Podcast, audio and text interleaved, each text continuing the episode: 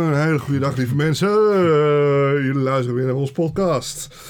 Jullie zijn weer welkom bij het segment uit de Volksmond. En wederom zit ik hier weer met de prachtige Maya. Hey, bedankt voor dit intro en uh, hila- geluidseffecten dit, hè? zeker hilarisch en geweldig. Dat bedoel ik. Dat was, was echt het beste. Ja. Nou ja, de- welkom dus bij ons nieuwe segment uit de Volksmond. Eh, de wekelijkse podcast waar wij eh, sprookjes en volksverhalen voorlezen voor u, de luisteraar thuis. Ja. Eh, dit keer gaan we een Duits sprookje doen. Jawohl. Jazeker, uit het zuiden van Duitsland. Het sprookje heet De Geest in de Fles. Ach ja. Ach ja, de, ge- ja. de geest in de fles. En leeftijd acht jaar. Dus kinderen naar de zolder. Hup. Ja, maar ik wil niet naar de zolder. Ja, gaat naar de zolder. Laten we er gelijk maar induiken. Ja, dan gaan we er gelijk inspringen, jongens. Dit is het verhaal. Van de geest in de fles.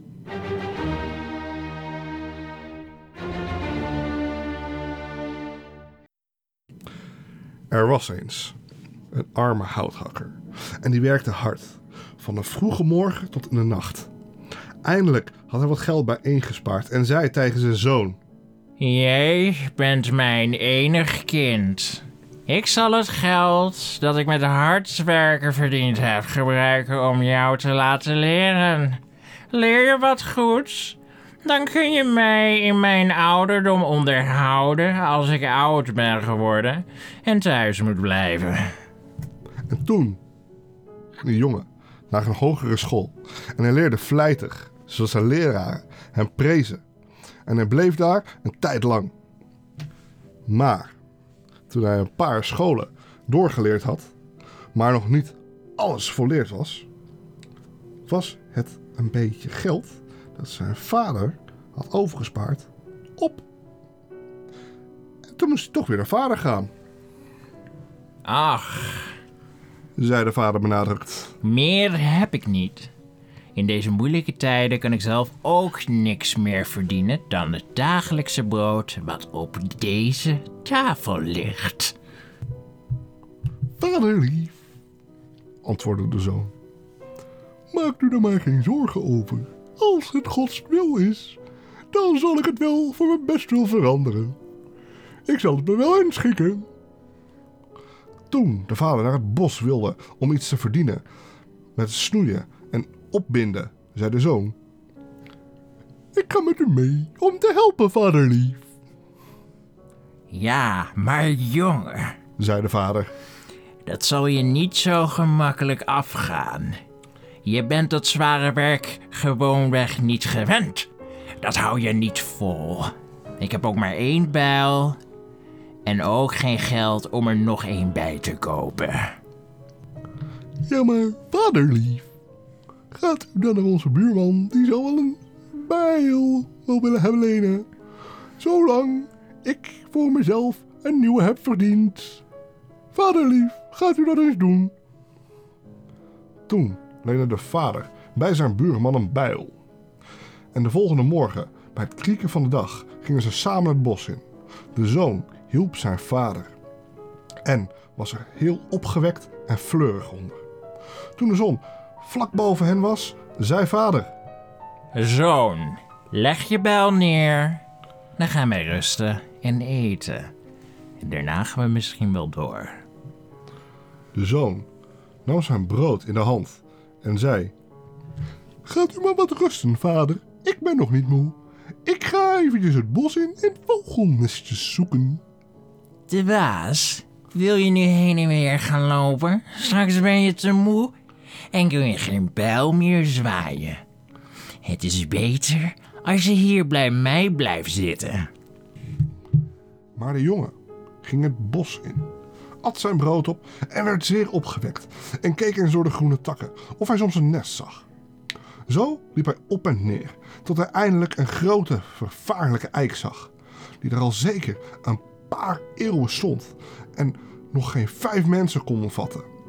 Hij bleef staan, keek ernaar en dacht: Het moet toch zeker wel een boom zijn waar een hoop nestjes in zullen zitten. Want hij ging voor die nestjes. Dat is waar hij voor ging. Ja. Opeens hoorde hij een stem roepen. Is mijn stiek zich reikt zich. Laat me eruit. Laat me eruit. Dat is maar een bevel. De jongen die keek om zich heen, maar kon niets ontdekken. En toch leek alsof de stem van de grond kwam. Toen riep hij: Wie, wie, wie is er? En de stem die antwoordde: Ach, domkop. Ik zit onder de wortels van de eik. Laat me eruit. Laat me eruit. Nu begon de jongen onder de boom te bladeren. En ja, eigenlijk gewoon al die bladeren weg te ruimen en de wortels af te zoeken, tot hij eindelijk in kleine holte een glazen fles ontdekte.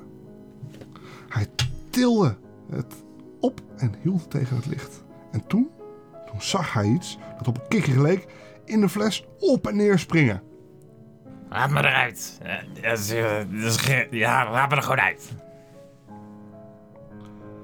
De jongen, die geen kwaad vermoedde, nam de stopper af.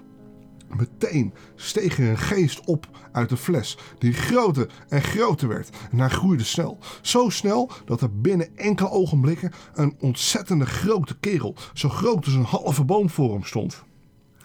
Weet je Riep hij met een vervaarlijke stem. wat jouw loon is omdat je me hieruit hebt gehaald? Nee, zei de jongen zonder enige angst. Hoe moet ik dat nou weten? Ja, want hij kon het ook niet echt weten. Ah, geen flauw idee, Hij, eh, Dat zal ik je zeggen. riep de geest. Ik zal je nek breken. Dat, dat had je eerder moeten zeggen, zei de jongen. Want- Want dan had ik je lekker laten zitten. Maar eh, mijn hoofd die zit eh, nog redelijk vast. Dus daar zou je toch wel wat meer mannen voor nodig moeten hebben om die eraf te krijgen. Meer mannen, meer mannen. Riep de geest. Je verdiende loon zou je hebben. Denk je dat ik uit genade er zo lang heb gezeten? En dat voor straf? Ik ben de machtige Mercurius. En wie mij loslaat, moet ik de nek breken. Rustig, rustig aan, zei de jongen. Zo gauw gaat het niet. Eerst moet ik weten of jij dezelfde bent die in dat kleine flesje gezeten heeft. En dat je het werkelijk bent. Kan je er dan ook weer in, dan zal ik je geloven. En dat kan je met me doen wat je wilt. De geest zei opgeblazen. Dat is een kleinigheid. En hij kroop in elkaar. En hij maakte zich weer zo klein als dat hij eerst was. Zodat hij zo weer door de opening van de hals van de fles naar binnen kon kruipen. Nauwelijks was hij erin gekropen of de jongen die drukte gauw de dop weer op de fles en wierp de fles onder de wortels van de eik. Zo in de oude, pla- in de oude plaats waar die eerst lag. Op die manier was de geest gefopt. prank. Prank, bro! It's a prank, geest. Nu wilde de jongen naar zijn vader teruggaan. Maar de geest die riep heel klagelijk. Hai, laat me er toch uit. Laat me eruit, kind. Nee, zei de jongen. Geen tweede keer. Wie mij eens het leven gestaan heeft, die laat ik niet los. En als ik hem weer in mijn macht heb, Nou, jongen. Jongen, toch, als je mij vrijlaat, dan zou ik je zoveel geven. Dat is gewoon niet normaal. Dan heb je je hele leven lang genoeg. Je hebt dan geld, vrouwen. Wat wil je allemaal? Het is gewoon alles. Vind je dat goed? nee, Waarom niet? Je zou me maar weer foppen. Net zoals de eerste keer. Ach, jongen toch. Verdammt, je spot met geluk. Ik zal heus niks doen. Kijk, weet je, eh, ik kan niks beloven, maar dat is... Ik wil je rijkelijk belonen. Luister dan. Ja, de jongen die dacht. Ik, eh, ik zal het erop wagen. Misschien houdt hij me woord en kwaad zal hij me toch niet doen. Toen nam hij de stop van de fles. En de geest die rees eruit omhoog, net zoals de eerste keer. Strekte zich naar alle kanten en werd zo groot als een reus. En hier heb je je loon. Zei hij en hij reikte de leerling een lapje. Zo groot als een pleister. En zei...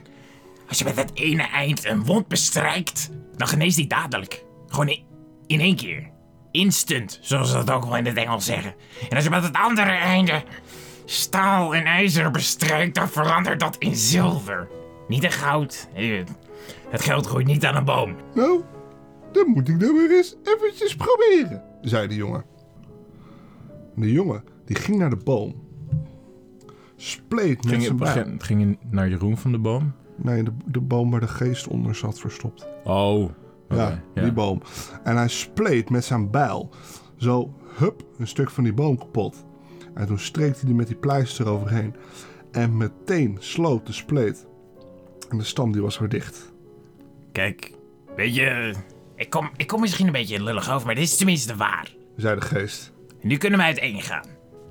De geest die bedankte hem voor zijn bevrijding. En de jongen bedankte de geest voor de goede gave. Hij ging naar zijn vader. Waar ben jij al die tijd geweest, mijn zoon? Zei de vader. Had je vergeten dat er werk was? Ik had het dadelijk al gezegd dat je niet zou kunnen. Ja, maar eh, vader, vaderlief, stel, stelt u maar gerust. Ik, eh, ik, ik, zal het, ik zal het inhalen. Ja, inhalen? Zei de vader boos. zal wel. Nee, dat, dat geloof ik niet. Let, maar even op, vader. Die boom zal ik meteen omhakken. En dat zal wel een gekraak geven. Hij nam zijn pleister, bespreek er de bijl mee en hakt eens heel erg hard. Maar, daar het ijzer in zilver veranderd was, was de snede verbogen. Vader, va vaderlief, kijk eens wat voor slechte bijl u mij heeft gegeven. Hij is helemaal verbogen. De vader schrok, Wat heb je nu gedaan, zoon? zei hij. Nu moet ik de bijl betalen. En ik weet niet hoe.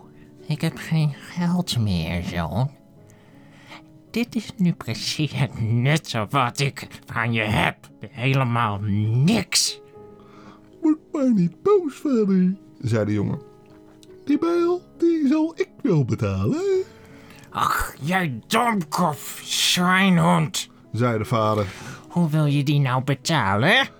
Je hebt niks dan wat ik je geef. Je hebt je studentengeld allemaal verbrast. En houthakken kan je ook niet. Zie je nou wel? Je bent een mislukkeling van een zoon. Na een poosje zei de jongen. Vader, nu kan ik toch niets meer doen. Laten we liever een vrije avond ervan maken, Ach, kom. zei hij. Dacht je dat ik mijn handen in mijn schoot zou leggen, net zoals jij? Ik ga werken. Ik moet werken. Maar, ga jij gerust naar huis, weet je? Ga maar weer de luie luiwamers uithangen. Ga maar snel. Ja, maar vader, ik ken eh, hier de weg in het, eh, in het, in het, in het bos niet. Kom, kom, kom nou, eh, kom, kom, kom nou mee, want eh, ja, anders raak ik straks verdwaald. Omdat zijn boosheid gaandeweg zakte, liet de vader zich bepraten en ging nu met hem mee naar huis. Toen zei hij tegen zijn zoon, Zoon, ga die bedorven bijl nu verkopen en let goed op wat ik nu zeg. Let goed op wat je ervoor krijgt. Het overige moet ik erbij verdienen om het daarna weer aan de buurman terug te betalen. De zoon die nam de bijl mee en bracht hem naar de stad, naar de goudsmid. Die toetste hem, legde hem op de weegschaal en zei... Deze bijl is een mooie bijl en is 400 dollars waard. En eh, ja, ik heb ogenblikkelijk al het geld niet, maar ja, het is wel veel, veel money's waard, man. De jongen die zei... Geef me maar wat u op het ogenblik hebt. En de rest, die hou ik te goed. De goudsmid die gaf hem 300 daalders en bleef hem nog 100 daalders schuldig. Daarmee ging de jongen naar huis en zei... Vader, ik heb uw geld. En ik ga nu aan de buurman vragen wat hij voor de bijl wil hebben, En dat weet ik al. zei de vader. En daalder. En zes. stuivers. Geef hem dan maar een daalder en twaalf stuivers. Dat is een dubbele en dat is eh, vast wel genoeg. Kijk maar, ik heb geld in overvloed. En hij gaf zijn vader honderd daalders. En zei nog: Vader, u zult geen armoe meer hebben. Leef verder naar uw genoegen, Mijn god, zei de vader. hoe ben je tot zo'n rijkdom gekomen? Ik ben wel benieuwd. Kun je mij dat verhaal vertellen? Je hebt veel geluk, mijn zoon. Wat ga je met dat geld doen? Mag ik misschien wat meer? Mag ik misschien wat meer geld van jouw zoon? Ik wil graag wat meer geld van jouw zoon. Mag ik alsjeblieft wat meer geld van jouw zoon? Oké, vader, hier is nog 6 euro. Euro? Wat zijn dat euro's? Ik heb daar nog nooit van gehoord. Het zijn toch daalders? Oké, dan krijgt u vijf deelters van mij. Dank u wel, zoon. Ik weet niet waarom ik u zeg, want je bent mijn zoon. Maar dank je wel. Toen vertelde de jongen zijn vader allemaal wat er, wat er was gebeurd. En toen hij het vertrouwen op zijn geluk zo'n rijke vangst had gedaan. Met de rest van het geld ging hij weer naar de hogeschool en leerde verder. En nu hij met zijn pleister alle wonden kon genezen, werd hij de beroemdste dokter van de hele wereld. Doctor Who. Dokter Duitser. Ja. En Dok- dit is eh, Dokter Duitser knul. Dokter Duitse Knul. En dit is het einde van het, eh, van het sprookje, van het nieuwe segment uit de volksmond. Ik hoop dat jullie genoten hebben van dit verhaal.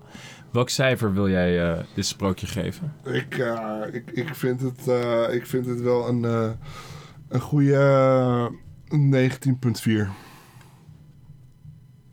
Dat is een zeer mooi cijfer. Ik Ja. zou zelf zou ik, nou, het sprookje een eh 4,7 geven. Vorige cijfer was 4,8. Dit Ja. keer is het een 4,7. Eh, zoals we altijd eigenlijk doen, gaan we dit keer gaan we een toelichting geven uit, Uit jouw hoofd? uit, uit mijn hoofd. Ik ga Ja. graven in de hersens. eh, Ja. En eh, een toelichting, kijk, ik kan zelf met veel vertrouwen zeggen, ik weet veel over sprookjes. ja, jij weet ongelooflijk veel over sprookjes. Dat, dat is eigenlijk de enige kennis die hier in mijn hoofd zit. Dat, is, Ja. dat, valt, dat valt onder algemene kennis, Ja. algemene sprookjeskennis. Eh, Ja, maar je weet ook niet zo heel veel over al het andere. Het is eigenlijk Nee. alleen maar sprookjes waar je dingen Ja. over weet. Sprookjes, sprookjes en nog geen sprookjes. Ja, uit elk land. Ja, En voor de rest eh, is het niet zoveel. ja. Hier bij de toelichting. eh, ja, wat weet jij over dit sprookje? Nou, het is dus uit de buurt van, van Paderborn is dit, dit sprookje. Dit verhaal moet eigenlijk in een of andere literaire bron stammen. Maar ehm, ja, daar, eh, het lijkt eigenlijk te sterk op eh, ja, de vertelling van Duizend en één Nachten. Waar ook verteld wordt over zo'n eh, flinke geest die uit een fles gekomen is. Die dus ook ooit in een fles gestopt is. Het is eigenlijk Arabisch, hè? Ja. Wat, waar we het over hebben van One oh oh One Night Caribbean Arabian Night. Nights. Ik zei Caribbean, maar het is Arabian natuurlijk. Ja. ja. Jongen, leer chips. Ja, maar goed, eh dus is de Arabische vertelling. Eh, die bewust ook weer op een Joods-Persische overleving van Salomo. Dus, eh, die eh, ongehoorzame geesten in verzegelde kistjes en flessen gebannen en daarna weer in zee geworpen zou hebben. Ja. Dus dat, dat, dat, is, dat is dus één deel ervan. ja. Ook wordt er van Paracelsus verteld dat hij aan zijn legendarische geneeskunde kwam op deze wijze. Hij werd eh, eigenlijk gewoon heel erg blij van mensen genezen, dus daarom ging hij dat ook in zijn leven doen. ja. En eh, nou, hij kreeg eh, als loon voor het be- bevrijden van de duivel, dus de oprechte duivel, uit een boomstam. Echt Twee, gewoon Satan. gewoon Satan, Lucifer, noem het maar op Ja. kreeg hij dus twee flesjes. Wat, zit er, wat zat er in het ene flesje?